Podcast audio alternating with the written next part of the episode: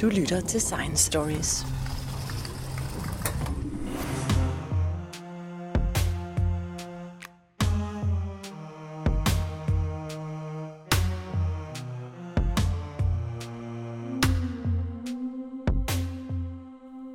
Det er et drilsk solsystem, vi lever i. Det har ikke vel makke ret i computermodeller og teorier. Dels tog det lang tid at regne ud, hvad som cirkler rundt om hvad, og at cirklerne er ellipser, og at tyngdekraften kan forklare, hvordan mekanikken er i systemet, men ikke nok med det. De sidste 250 år har det været klart, at solen blev til, fordi en sky af gas og støv faldt sammen under sin egen vægt.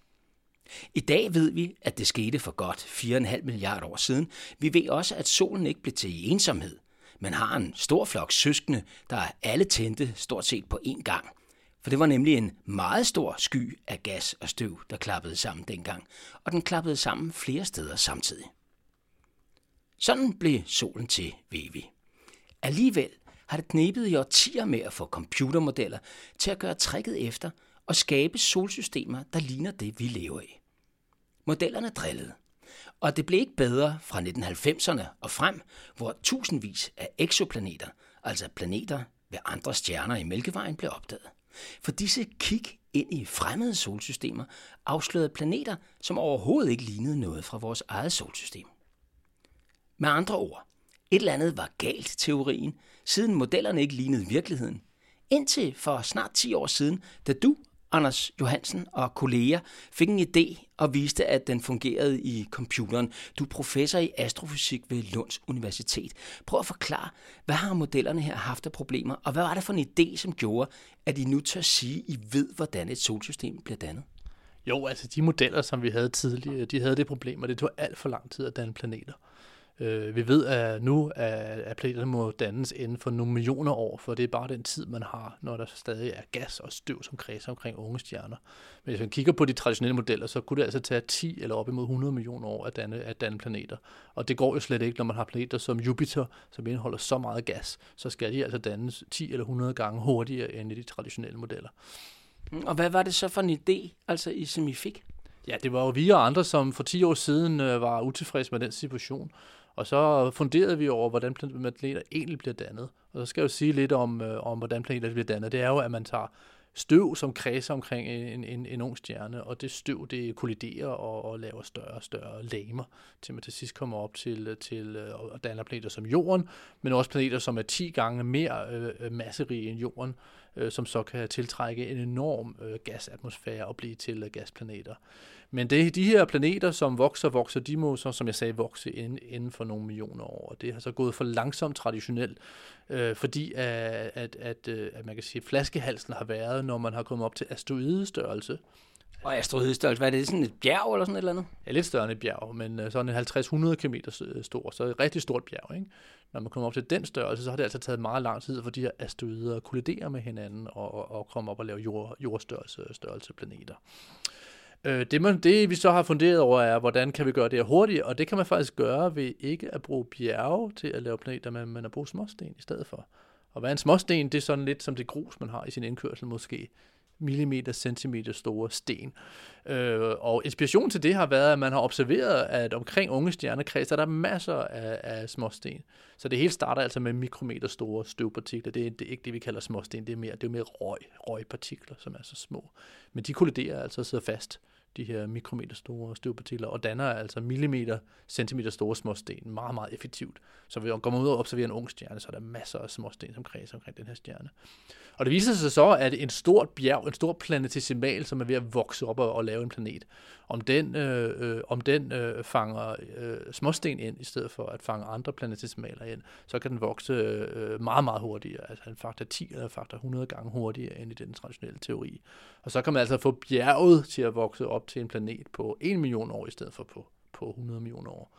Mm, lad os lige gå, prøve at gå lidt ind i detaljer omkring det, jeg ved, det er lidt teknisk og sådan noget. Ikke? Men før i tiden, så tænkte man, at stødet blev ligesom til større, lidt større partikler, altså de klæber sammen, kan man sige, eller hvad ved jeg, øh, og som så bliver til lidt større partikler igen, og lidt større partikler igen, og så bliver det til asteroidestørrelse partikler, som også støder sammen og bliver til større, til det, du kalder planetesimaler, som er, hvad kan man sige, småplaneter, måske på størrelse med månen, eller lidt mindre, eller sådan noget. Og så støder de sammen, og det hele lægger sig hele tiden sammen. Men det gik for langsomt, måske blandt andet fordi at sådan nogle store månestørrelse planeterne, de støder sammen. Det er ikke altid, de, øh, de slynger, de, hvis de rammer lige ved siden af hinanden, så slynger de bare hinanden af helvede til, for at sige det med et godt dansk ord, ikke også? Altså, så, så, så det, det var til, til så lang tid, og det var svært for det der andet. Og det, I gør anderledes her, det er, at I siger, nej, det er ikke store læmer, der støder sammen ude i rummet og bliver til endnu større læmer. Det er store læmer, der hvad, støvsuger arealet omkring sig op, eller hvad? Ja, det fungerer næsten som, som, som en støvsuger, øh, kan man sige. At øh, når, en, når en sådan protoplanet, øh, som, eller, eller en planetesimal, noget som måske er er 1000 km i størrelse, eller 2000 km i størrelse, når, når, når den vokser, og der findes øh, småsten omkring, så kan den altså suge dem ind, og det skyldes jo, øh, at de her småsten, at de, de mærker gassen, som kredser omkring stjernen, øh, som en meget stor kraft. Og det er jo en friktion lidt, ligesom når man cykler på sin cykel, så bliver man bremset ned, hvis det er vind, ikke? Så, så bliver man bremset ned. Så når sådan, en, når, når sådan et stykke grus øh, passerer for, forbi en protoplanet, som vokser, så bliver den altså bremset så meget af gassen, at den mister energi, og så bliver den suget ind nærmest på protoplaneten. Men den luksus har et, et, en, en, en, et, et bjerg ikke, så hvis det her den her protoplanet skal, skal forsøge at, at suge et andet bjerg ind, så øh, det her bjerg mærker ikke rigtig gassen. Så i stedet for, så det der ofte sker, er jo bare, at øh, bjerget passerer protoplaneten, og så, så, og så skifter det bane. Men det gør ikke, at det bliver, øh, at, at, at, at det bliver suget ind, og det er derfor, det tager så utrolig lang tid, når man, når man skal fange bjerge ind, kan man sige, men hvis man fanger små, øh, øh, små øh, gruspartikler ind, så går det altså meget, meget hurtigere. Mm, så det er gassen, og det er vindmodstand, det er den vindmodstand, vi møder nede på cykelstien, men det fatter jeg simpelthen ikke. Altså, hvad, prøv at forklare mig, når nu sådan et, øh, hvis nu sådan en asteroide kommer sejlende gennem rummet, ikke også? og der ligger grus og gas ja. udenom, som en atmosfære, kan man sige, rundt om den tidlige stjerne. Som om den stadig har en meget stor atmosfære rundt om sig. Så kommer de her ting farne igennem her. Hvad er forskellen på, hvis der ikke var denne her, hvad kan man sige, gasatmosfære i rummet omkring asteroiden? Og så, hvordan bevæger gruset sig forskelligt? Jeg tror, vi lad, lad os tage som eksempel faktisk månen, som kredser omkring jorden. Som vi sikkert ved, så månen har en stabil bane, som kredser omkring jorden. Den ekspanderer en lille smule på grund af, tyngde, på grund af tidværdskræfterne fra, fra jorden. Altså banen gør Ja, banen gør det, ikke? Ja, månen gør ikke. Øh, banen gør det. Og der kan man se, at, at månen, øh, selvom månen påvirkes af jordens tyngdekraft, så, så kolliderer månen ikke med jorden, og det, det er vi jo glade for nu. Men når man skal lave en planet, så er det jo godt, hvis månen havde kollideret med, med, med jorden. Forestil dig nu, at vi har gas, at vi går 4,5 milliarder år tilbage i tiden, så ligger der altså også gas i, i solsystemet. Så ligger der altså noget gas nu mellem jorden og månen. Når månen så øh, støder ind i, i det her gas, så blev månen bremset ned. Nu er månen meget stor, så månen er lidt ligesom en, en man kan sige, et kæmpestort skib, som ikke rigtig mærker modstanden imod det, som er det, det, det bevæger sig igennem. Så månen vil stadig ikke skifte bane, særlig hurtigt i hvert fald. Men hvis nu man lavede månen om til en centimeter stor gruspartikel i stedet for, så vil den pludselig begynde at mærke øh, øh modstanden fra det her gas. Og der kan du forestille dig, hvis den her gruspartikel, som var i kredsløb om, om, om jorden, bliver bremset ned af, af gassen, så spiger den lidt langsomt, men sikkert ind imod jorden og kolliderer med, med jorden. Og det er det, der gør, at det er meget, meget lettere at, at øh, vokse øh, gennem at indfange småsten i stedet for at indfange store måner eller bjergstore planetesimaler. Mm, kan man sammenligne det lidt med, når, altså når man ser stjerneskud? Mm. Det er jo sådan en lille, det er måske en støvpartikel eller et gruskorn eller et eller andet, der kommer farne ind i atmosfæren. Hvis ikke atmosfæren havde været på jorden, så ville det gruspartikel bare have fortsat forbi måske og blevet slynget ud i rummet igen. Men fordi der er atmosfæren, så ser vi sådan et lysglemt, og tingene bliver fanget ind. Er det lidt sådan, at de her planetesimaler, som du kalder dem, de her småplaneter, de her store asteroider, at de har ikke en atmosfære selv, men fordi de bevæger sig igennem en atmosfære, kan man sige, så er der den samme effekt, lidt den samme effekt. Sådan kan man også godt se på det, kan man sige, der er mange meteorer, som, som kolliderer næsten lige, lige direkte ind mod jorden, og så gør det jo ingen forskel, om der er atmosfære eller ej. Men det er dem, der kommer ind sådan lidt skævt på, og egentlig ville have bare fløjet forbi jorden øh, i, no, i, i 100 km afstand, så er atmosfæren altså tyk nok selv ude, ude 100 km til, at, at det her støvkorn kan blive bremset ned. Så det gør, at det her det går hurtigere tilbage, hvor solsystemet blev skabt.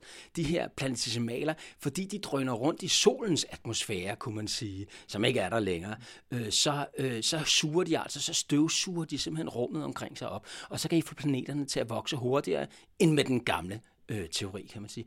Men hvorfor skulle det egentlig gå så stærkt? Hvorfor, hvorfor er der kun de der par millioner år for et solsystem til at nå at lave alle sine planeter? Ja, men det er fordi, at øh, vi kan observere unge stjerner ude i Mælkevejen nu. Og omkring mange af de unge stjerner, så opdager man altså, at der kredser en skive af, af gas og, og støvpartikler omkring de her unge stjerner. Det er den skive, som vi kalder for en protoplanetar skive, og det er altså der, at øh, planeterne dannes. Men så kan man også se på stjerner, som har forskellige aldre, så stjerner, som er meget unge, som er yngre end en million år gamle, så det er en meget, meget ung, det er næsten en babystjerne. Øh, de har alle sammen sådan nogle fine skiver omkring. Men går man frem imod... Og skiverne, det er støvet og gruset og så videre. Støvet og gruset, så er det også den, den gas, som man så ikke rigtig kan... Øh, det, så er det også den gas, som vi ikke kan observere desværre, men vi, men vi kan se støvet, og vi kan se gruset. Øhm, og så, øh, når man så tager nogle lidt ældre stjerner, så en 2, 3, 4, 5 millioner år, så begynder skiverne altså at forsvinde. Og efter 10 millioner år er der næsten ikke nogen tilbage. Og vi tror, at det skyldes en blanding af, at støvet og gassen bliver til planeter. Det er en del af det. Men en del af det er også, at de bliver suget ind på stjernen, så stjernen skal også vokse. Stjernen starter jo med næsten ingen masse og skal vokse til en gang solens masse, så den hiver en masse materiale ind igennem skiven også. Så, så, og det er altså det, som tager nogle millioner år, og det er derfor, at, at, at planeterne skal dannes inden for nogle millioner år også. Men det renser altså det synlige materiale, kan man sige. Det, I kan se i skiven, mm.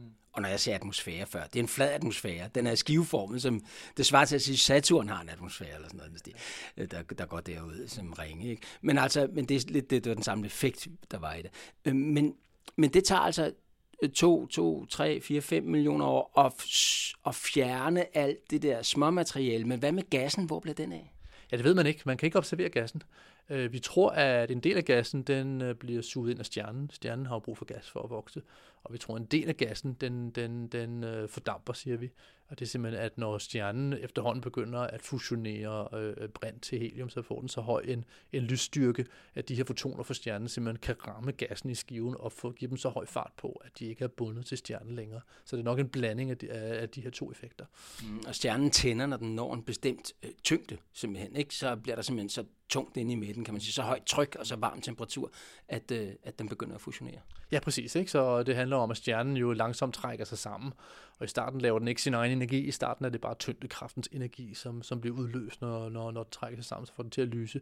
Men på et tidspunkt, så bliver det altså så tæt og så varmt inde i kernen, at øh, brint kan fusionere til, til helium, og så får man en rigtig, rigtig stor energiproduktion, som kan, som kan fordampe skiven. Mm. Og når du siger tyngdekraften for den til at lyse, så, kan du måske, så skal man tænke på, at det er, det er alt det materiale, der bliver hævet ind, som bliver presset sammen med tyngdekraften, og som, der er, så er der selvfølgelig friktion imellem osv. Det er det, der får tingene til at lyse. Ja, lige præcis. Ikke? Så øh, det er sådan inden for astronomi, så når, når noget trækker sig sammen med tyngdekraft, så bliver det som regel også varmere og varmere.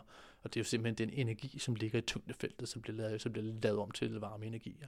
Mm, okay, og så lyser den altså, inden den begynder at tænde som sådan, kan man sige. Mm. mm. Men, og så ser du, at gassen bliver blæst bort simpelthen. Ja, øh, det bliver den. Øh, det er svært at observere. Det er meget, meget svært at observere kold gas på mange lysårs afstand.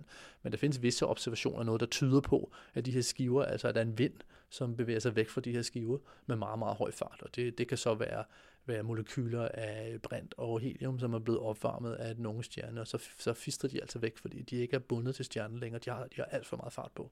Mm. Og det, som er den store fordel ved den her måde at se det på, som I gør med gruset fra gruset fra indkørslen, kunne man måske sige, altså de her størrelse partikler, der bliver støvsuget op af de her planetesimaler, fordi der er en gasatmosfære også, kan man sige, en slags gasatmosfære i det miljø, hvor det foregår. Den store fordel er, det, at så kan I få de store planeter, ikke kun sådan nogle som Jorden til at blive til, men også endnu større, så som Jupiter, de får tid til at trække gas til sig, for vi ved jo, at Jupiter indeholder meget gas. Ja. Ja, præcis. Øh, Jupiter, det er det, vi kalder for, for, en, for en gaskæmpe. Så Jupiter er, er 300, 300 gange jordens masse totalt, og langt det meste af det, det er altså brint og, og helium. Og det mener vi jo, at øh, hvor kommer det fra? Det må være kommet fra den her skive, som kredsede omkring solen for 4,5 milliarder år siden. Øh, vi ved også, at for at Jupiter skal hive så meget gas ind, så skal det altså så skal, altså, så skal der først vokse en, en, en fast planet, som er meget, meget større end Jorden, så den skal op til 10 gange Jordens masse. Så får den her planet så meget tyngdekraft, at øh, brint og helium fra skiven simpelthen øh, trækkes ind på planeten og laver en sådan øh, øh, øh brint- og helium-atmosfære. Og det er derfor, at, at vi bliver nødt til at, at, at, at danne den her kerne, som vi kalder det, på 10 gange jordens masse inden for nogle millioner år, for ellers er der ikke, ikke noget gas tilbage, og så har vi ikke nogen gaskæmper.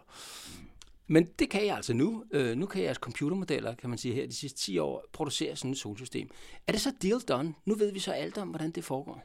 Nej, det er det absolut ikke. Det hjælper rigtig, rigtig meget af det her, når man, øh, når man vokser igennem at øh, hive, at støvsuge øh, gruspartikler, at det går meget, meget hurtigere. Men der er stadig masser af udfordringer for planetdannelse. En af de store udfordringer er, at planeter migrerer. Planeter bliver ikke hvor, ikke, hvor de er, så planeter har det med at bevæge sig ind imod stjernen. Og, og det skyldes også friktionen ikke friktionen, som er så direkte som på småstenene. Det er faktisk øh, tyngdekraften fra, fra gassen i skiven, som virker som en friktion, som gør, at planeterne altså bevæger sig meget hurtigt ind imod stjernen også. Og det er jo så en ekstra udfordring og et ekstra god grund til at vokse hurtigt. At hvis man skal, hvis man skal lykkes at vokse op til Jupiters masse, inden at man er migreret hele vejen ind og kollideret med solen, så skal man altså vokse ekstra hurtigt også. Mm. Vil det sige, at sådan noget, altså, vi når vi kigger på vores solsystem i dag, så ser det jo ud som om, i hvert fald det her snapshot, som den korte tid, man kigger, vi har kigget på det med teleskoper og så videre, øh, er af solsystemet, øh, så ser det ud som om, at de ligger sådan ret fast i nogle baner rundt om, og der ligger de øh, fast. Det er sådan et system nærmest. Ikke?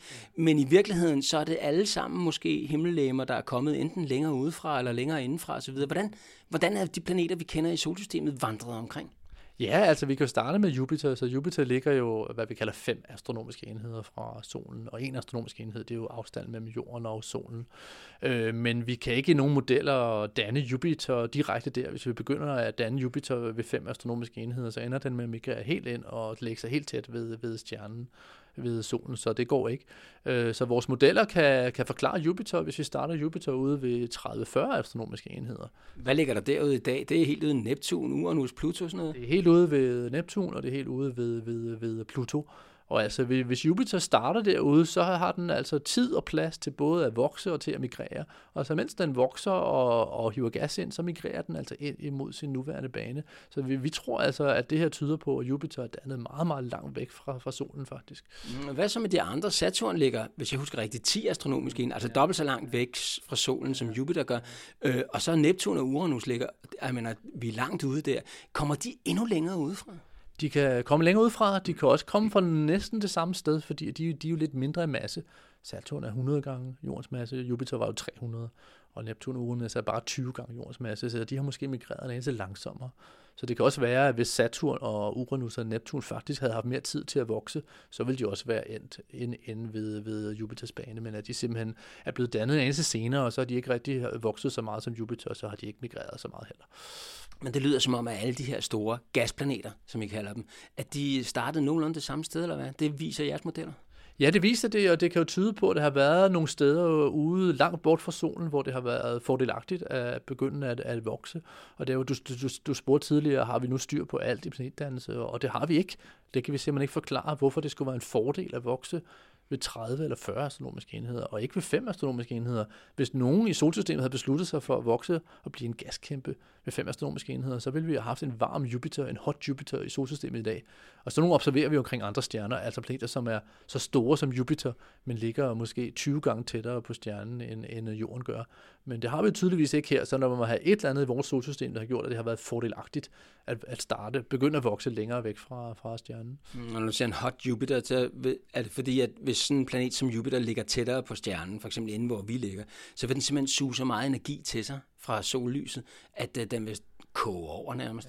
Ja, nogle af de her hot Jupiters, man ser omkring andre stjerner, de er jo over 1000 grader varme på overfladen øh, og, og er absolut ubeboelige efter alle definitioner. Øh, og, og det var også den første eksoplanet, som man opdagede i 1995, var jo netop sådan en hot Jupiter. Og der blev man meget overrasket, for sådan en planet skal jo ikke findes. Øh, det findes ikke i solsystemet, og det er jo et helt klart øh, bevis for, at planeter migrerer. At det er meget svært at danne den så tæt på stjernen, der ikke der er, der er ikke rigtig nok byggemateriale, og det er alt for varmt også. Så det var jo helt et paradigmeskift, kan man sige, at man pludselig kunne se planeter som Jupiter, så var så tæt på værtsstjernen. Mm, ja, altså hele det her studie af eksoplaneter, som er blevet muligt, blandt andet med Kepler-satellitten, som øh, var oppe her for nogle år siden, den er der vist stadig, tror jeg, men jeg tror ikke, den virker mere. Det har gjort det muligt at se ind i alle de her øh, fremmede stjernesystemer, og de, de er anderledes end solsystemet. Altså solsystemet ser ud til at være specielt, eller hvad? Ja, der er noget, der tyder på, at solsystemet kan være specielt, og der er noget, der tyder på, at solsystemet er et lidt fattigt system. Det kan jeg forklare, at øh, er der noget, vi har lært fra Kepler-satellitten, så er det, at der er rigtig mange stjerner som solen, som har mange planeter tæt på, på, på stjernen, og som har planeter, som har mere masse end Jorden. Og her taler jeg ikke om hot Jupiter eller varme Jupiter, for de er faktisk relativt sjældne. Det er måske kun 1% af stjernerne, som har en hot Jupiter. Men det virker som om, at en stor del af de sollignende stjerner, som er derude, at de har superjorder, som kredser øh, omkring dem. Og en superjord det er sådan øh, en planet, som er mellem 2 og 10 gange jordens masse.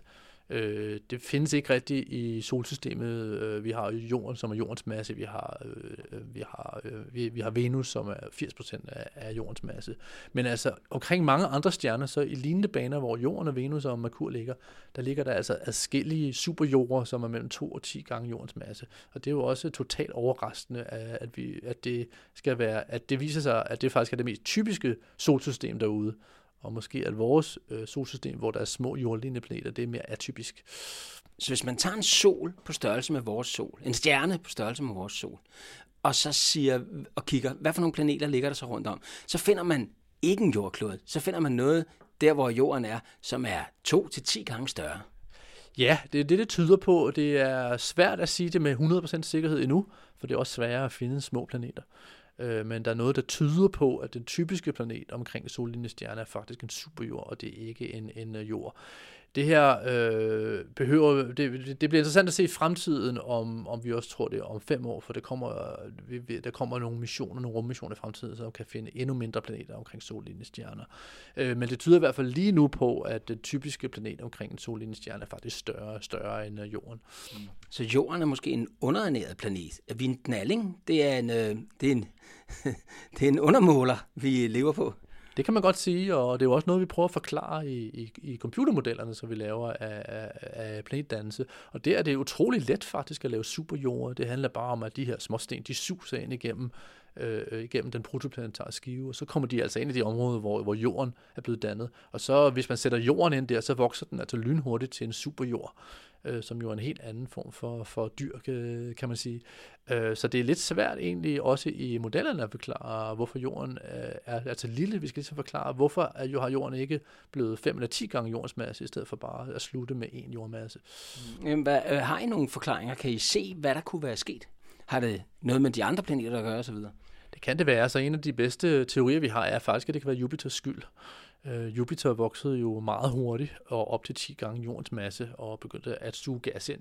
Det har altså også gjort, at Jupiter har øh, blokeret for strømningen af småsten og grus ind til det indre solsystem. Jeg tænker, at Jupiter med, med sin tyndekraft har suget så meget ind ude ved 5-10 astronomiske enheder, hvor den begyndte at holde op med, med at migrere, at det simpelthen har forhindret byggemateriale i at, øh, i at øh, bevæge sig ind i det område, hvor jorden er blevet dannet. Så det kan være, at jorden og Venus og Mars var godt på vej til at blive superjord, og så har Jupiter altså vokset op til en vis størrelse og har reduceret mængden af byggemateriale, som er kommet ind til, det, til den indre del af solsystemet. Og det skulle så være ikke så normalt, kan man sige, i hvert fald ifølge de billeder, I får ind ud fra andre øh, solsystemer, andre steder med fremmede stjerner?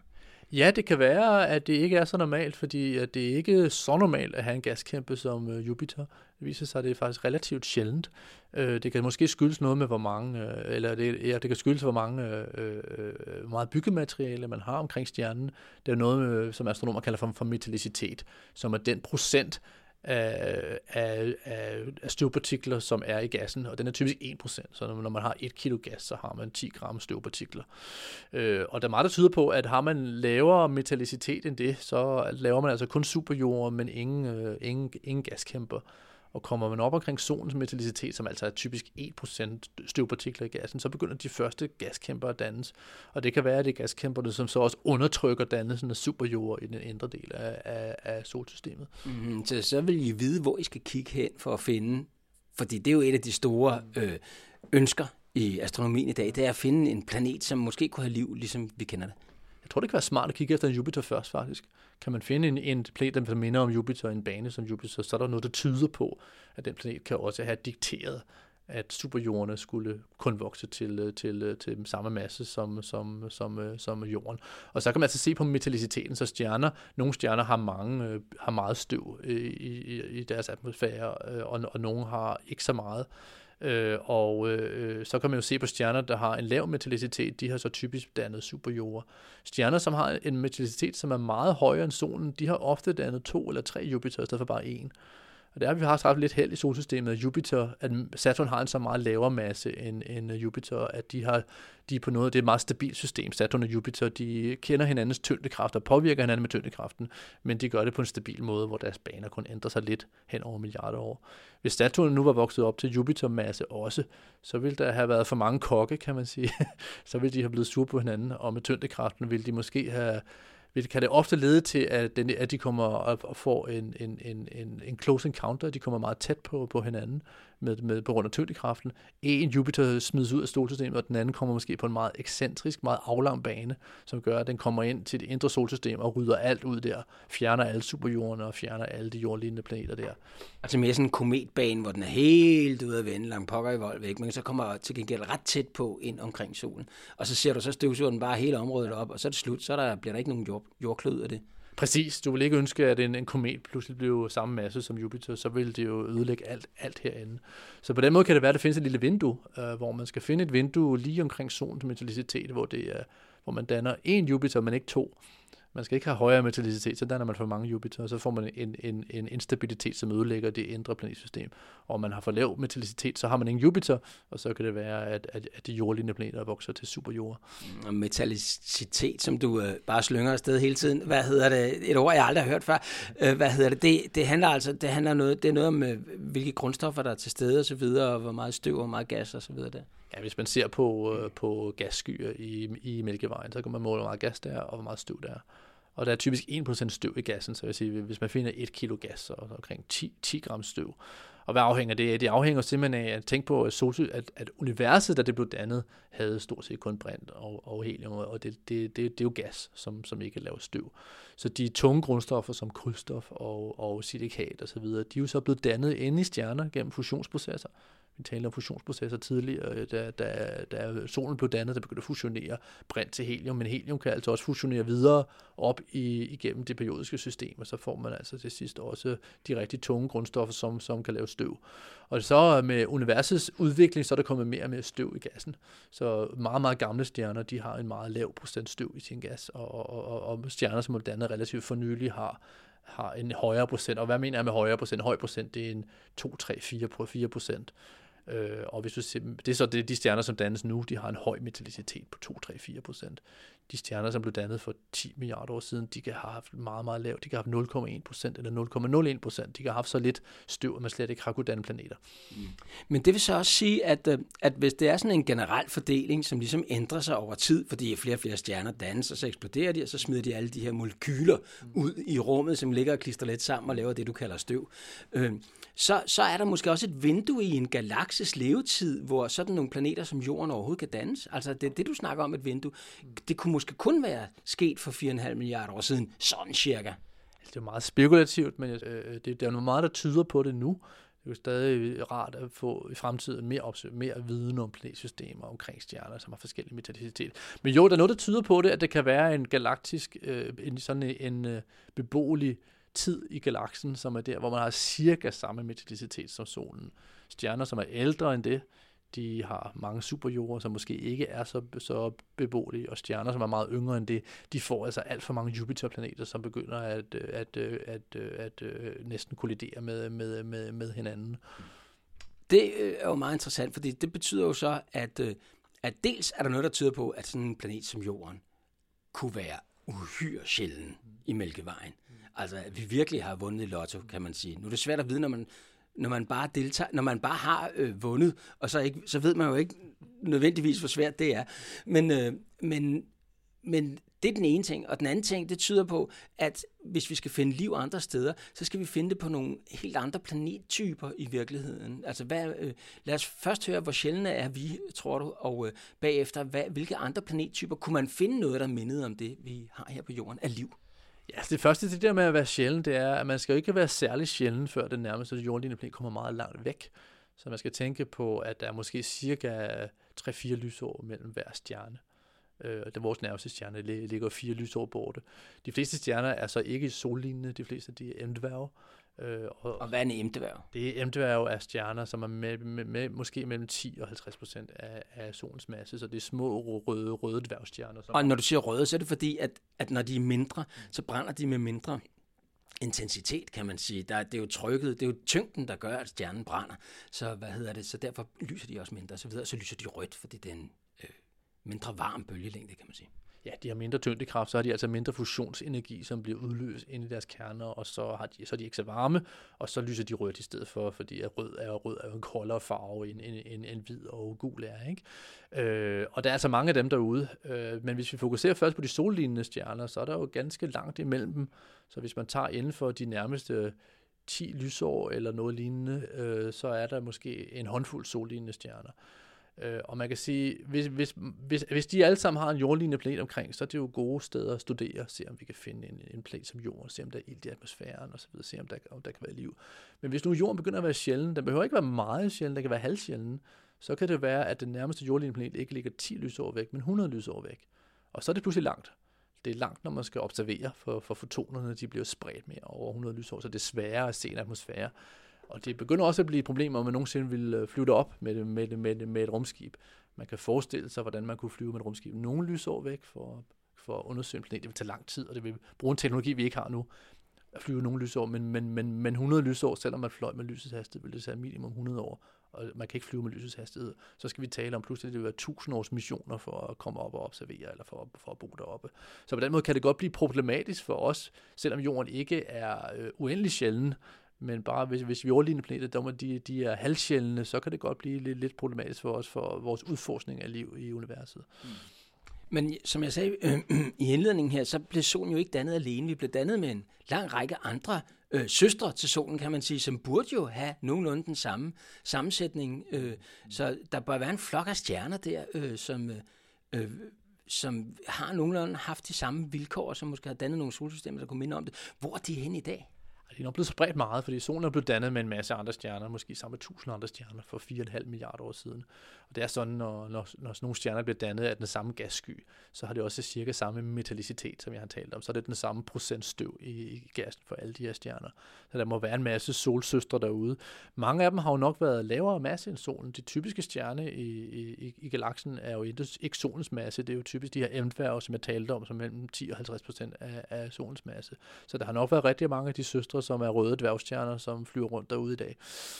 Men de er blevet spredt. De er væk. De er ikke inden for 100 lysår eller sådan noget. Nej, det er de ikke, men det er absolut værd at tænke over sådan nogle røde dværgstjerner, fordi at, øh, der findes masser af planeter omkring de røde dværge også, faktisk.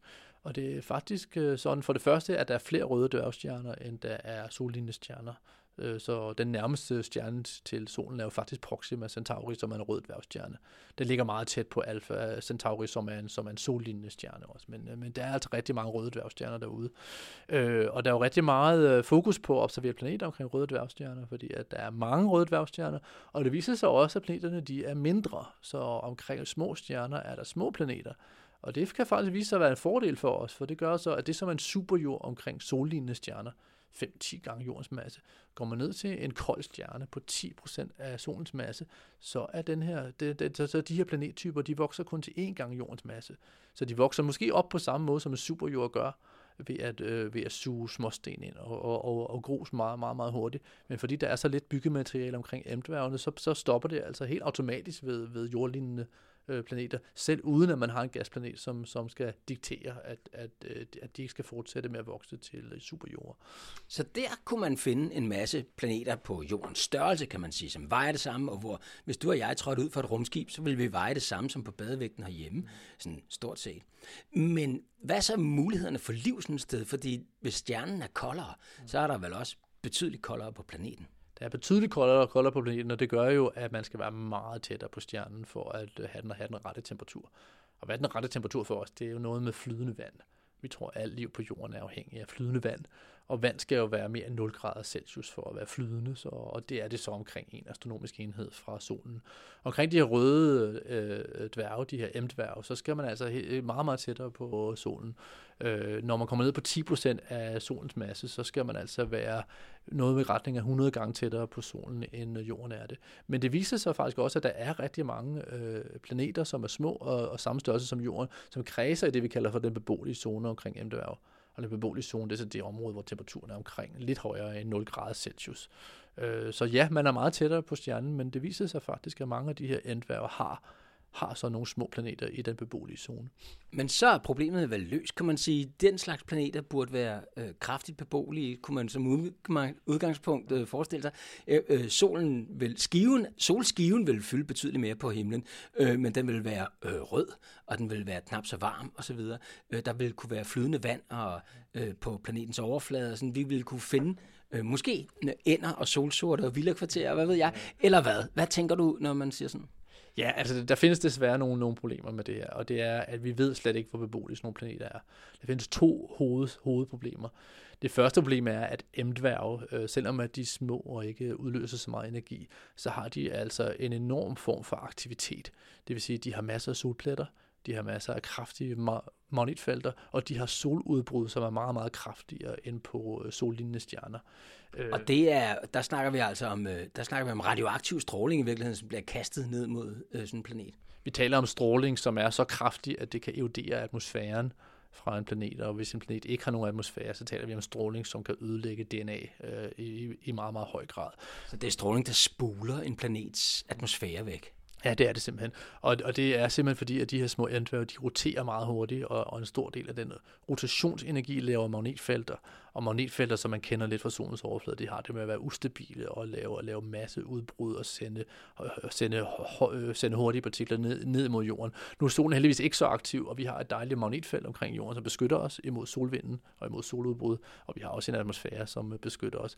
Men nu bliver det et problem, hvis man bor omkring en, en, en sådan rød dværg, for så er man altså meget tættere på sin stjerne, og den er meget, meget mere aktiv, så det kan være et problem at holde fast på sin atmosfære. Mm, så, og så skal der gås med øh, ikke kun rumdragt, men også blyparaplyer øh, eller parasoller. Ja, det kan være, at man skal bo under jorden i nogle dage, når der kommer et rigtigt udbrud og sådan noget. Og det er jo sikkert, så kan man forestille sig, at der er vand, og der findes liv nede under vandet, måske. Så kan man forestille sig, at man, man har en, en, en vandplanet, for livet nede under vandet påvirkes jo ikke så meget af sådan noget stråling. Men sådan en rigtig et rigtig øh, landliv som jorden, som går rundt øh, her, her på jorden og faktisk ikke får ødelagt sit DNA øh, hele tiden. Det, det, det kan være svært omkring sådan nogle stjerner. Mm. Det var det ene problem, ligesom at, øh, at øh, atmosfæren bliver spulet bort, og der er jo et voldsomt radioaktivt angreb med jævne mellemrum, øh, det, som, øh, som gør det knap så behageligt at, at dalle omkring på sådan en planet og kigge på solnedgang. Øhm, hvad er det andet problem, du havde i tankerne? Problemet er, at når man er så tæt på sin stjerne, så sker der noget, som også sker, er sket med månen omkring jorden. Det er, at man får låst sin rotation. Så månen viser jo altid samme side imod jorden. Det er jo ikke, fordi den kun har en side. Månen har også en, en, en, en bagside. Øh, men månen viser altid samme side mod jorden, fordi jordens tyngdekraft er så, jorden er så tæt på månen, at jordens tyngdekraft ligesom holder fast i månens ansigt, kan man sige med tyngdekraften, og gør, at månen kan ikke rotere længere. Det er altid samme side, som, viser, som er imod jorden. Er det, fordi den er en lille smule tungere, den vej? Eller hvad? Det skyldes lidt, at, at der er en asymmetri i månen, som jordens tyngdekraft ligesom har kunnet hive fat i. Og når den først får fat i den tunge side, kan man sige, det behøver ikke være meget tungere, så holder den altså fast i den. Øh, og, og det sker kun, hvis man er meget, meget tæt på den øh, tyngdekraftkilde, som man kredser omkring. Jorden er jo ikke låst i sin rotation omkring solen, fordi at solen er simpelthen for langt væk. Men de her øh, øh jordstor, jordstørrelseblæder omkring, omkring røde dværge, de er så tæt på stjernen, at, de bliver, at de, man mener, at de, bliver, de får låst deres rotation til øh, stjernen også. Øh, og hvad betyder det så? Ja, det betyder jo så, at planeten altid viser samme side imod stjernen, og altid viser, samme, viser den anden side væk fra stjernen, kan man sige. Så du får altså en side, som er evig dag, og en side, som er evig nat. Og det er jo meget anderledes end det, vi er vant til fra jorden, hvor nat og dag skifter med 24 timers cyklus. Ikke? Øh, men nu får man altså en side, som får, som, hvor, det, hvor solen aldrig går ned, og en side, hvor solen aldrig står op. Og resultatet kan blive, at man har en ørken, fra, en, forestillende er simpelthen ørken, det, det er måske 100 grader eller mere varmt. Øh, Øh, eller flere hundrede grader varm ørken, uden noget vanddamp eller, eller noget som helst. Og så får man altså en bagside, som er i evig mørke, så det bliver lidt ligesom Sydpolen om vinteren. Det er bare en vinter, så var evigt, hvor det måske så er minus 100 grader eller minus 150 grader. Og det er jo lidt anderledes end det, som er vi, og som er, som at vi er vant til. Så selvom at temperaturen i gennemsnit på overfladen er god, så det er altså gennemsnittet mellem to ekstremer. Mm, det vil sige, at øh, man kan måske bo på sådan en, en streg hele vejen rundt øh, fra Nordpol til Sydpol derigennem, eller hvordan den nu ellers ligger i forhold til. Men, øh, men ellers så skal man ikke forvente, at, øh, at, øh, at der bliver noget, der minder om en jordklode som sådan med vejrsystemer, som vi kender det. osv. Nej, det er det. Så kan man være, så kan man være lige på kanten mellem, mellem, nat, mellem dag og nat. Og, og hvad, hvordan oplever man så det? Så har man en, en kæmpe rød stjerne, som ligger i horisonten hele dagen, som, som aldrig står op. Den bevæger sig bare rundt i, rundt i horisonten. Så går man øh, over mod natsiden, så får man altså isbjerg og, og evige gletsjer, og går man for langt hen imod dagsiden, så får man altså en ubeboelig ørken. Men det kan jo være, at gletsjerne smelter ind over den her, øh, den her stribe af land, som, som ligger lige på grænsen mellem, mellem nat og dag, og man så får et område der, som har flydende vand, og som har en, en, en, en behagelig temperatur. Mm. Men som du siger, det er jo meget anderledes end jorden, så vi, det, det er jo ikke en jordlignende planet, vi har fundet, så det, må, det er en potentielt beboelig planet, vi har fundet, men, men, men det har jo en form for værdynamik, og en form for atmosfæredynamik, som vi slet ikke er, er, er vant til fra jorden. Mm. Og så sagde du, at, øh, at, at atmosfæren bliver spulet væk, eller det sagde jeg, altså den, øh, den radioaktive stråling spuler simpelthen atmosfæren væk. Hvis atmosfæren er væk, så er der jo heller ikke nogen oceaner, som du ellers nævnte kunne være der, fordi så koger de op og blæser også ud i rummet. Så det bliver også en tør oplevelse, sandsynligvis. Ja, så kan man måske være heldig, at enten har man et meget kraftigt magnetfelt som på, på planeten, som holder solvinden væk, eller også så lever man omkring en rød dværg, som roterer lidt langsommere. Så det er rotationsenergi, energien i rotationen, som, som gør, at man får de, de her energirige partikler, som kan spole atmosfæren væk. Mm. Så det, det kan være, at, at, at der er nogle røde dværge, som er bedre bo omkring end andre røde dværge. Ja, okay. Men det lyder igen som om, at vi er ude i noget, der måske er sjældent.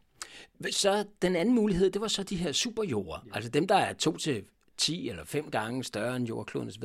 Hvad sker der for dem, og kan man regne med at finde, hvad kan man sige, om ikke andet bare øh, ølgær sådan et sted? øh, ja, det kan man sikkert. Øh, problemet er, er, er, er komplekst liv. Øh, det, der sker med de her superjorde, det er, at de vokser meget hurtigt.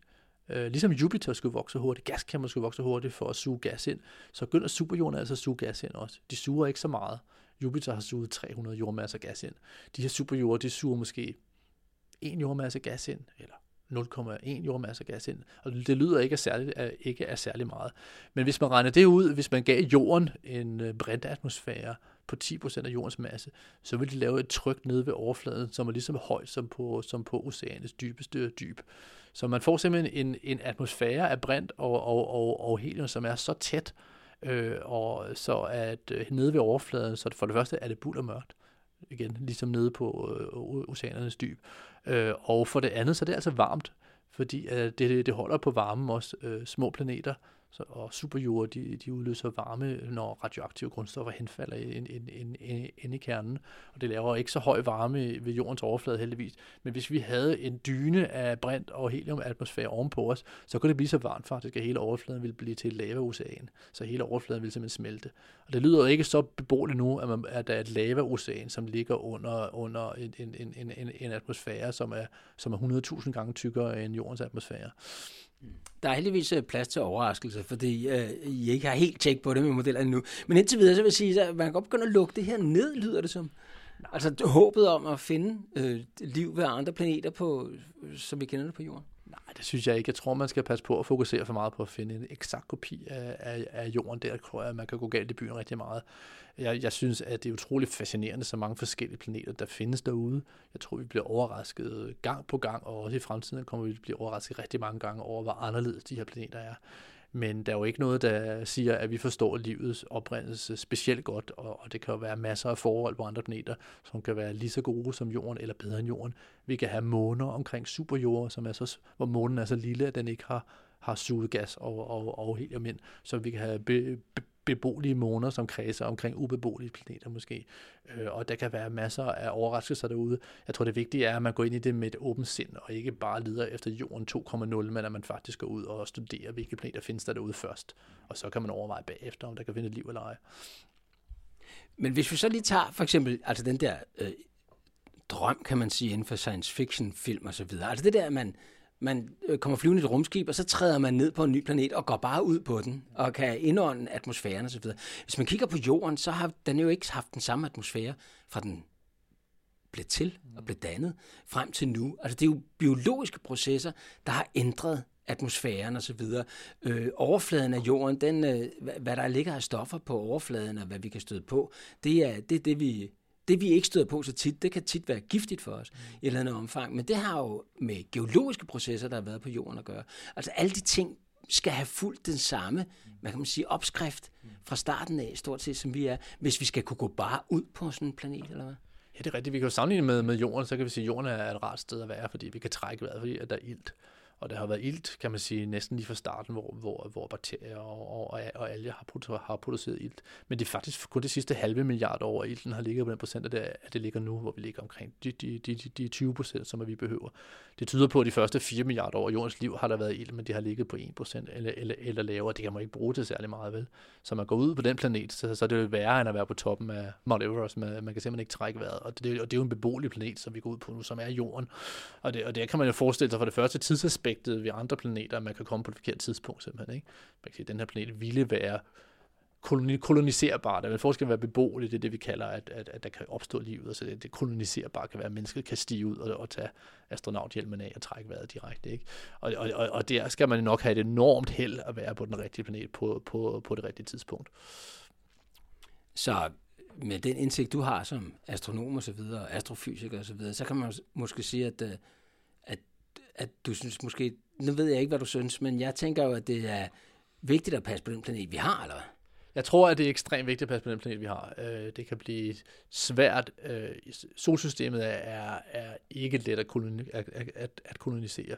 Vi kan jo forestille os, at vi om nogle årtier har baser på Mars og baser på, på, på månen, men det bliver lidt som en sydpolsbase, bare værre, ikke? Altså, at man kan være indenfor i nogle beboelige moduler osv., men der er jo ikke særlig beboelige hverken på månen øh, eller, på Mars. Mars har jo et problem med farlig stråling, at Mars har en så tynd atmosfære, så meget af den kosmiske stråling og solens stråling kommer helt ned til overfladen og kan altså ødelægge DNA, så det, det er meget, der tyder på, at Mars ikke er beboelig på, på, på den måde.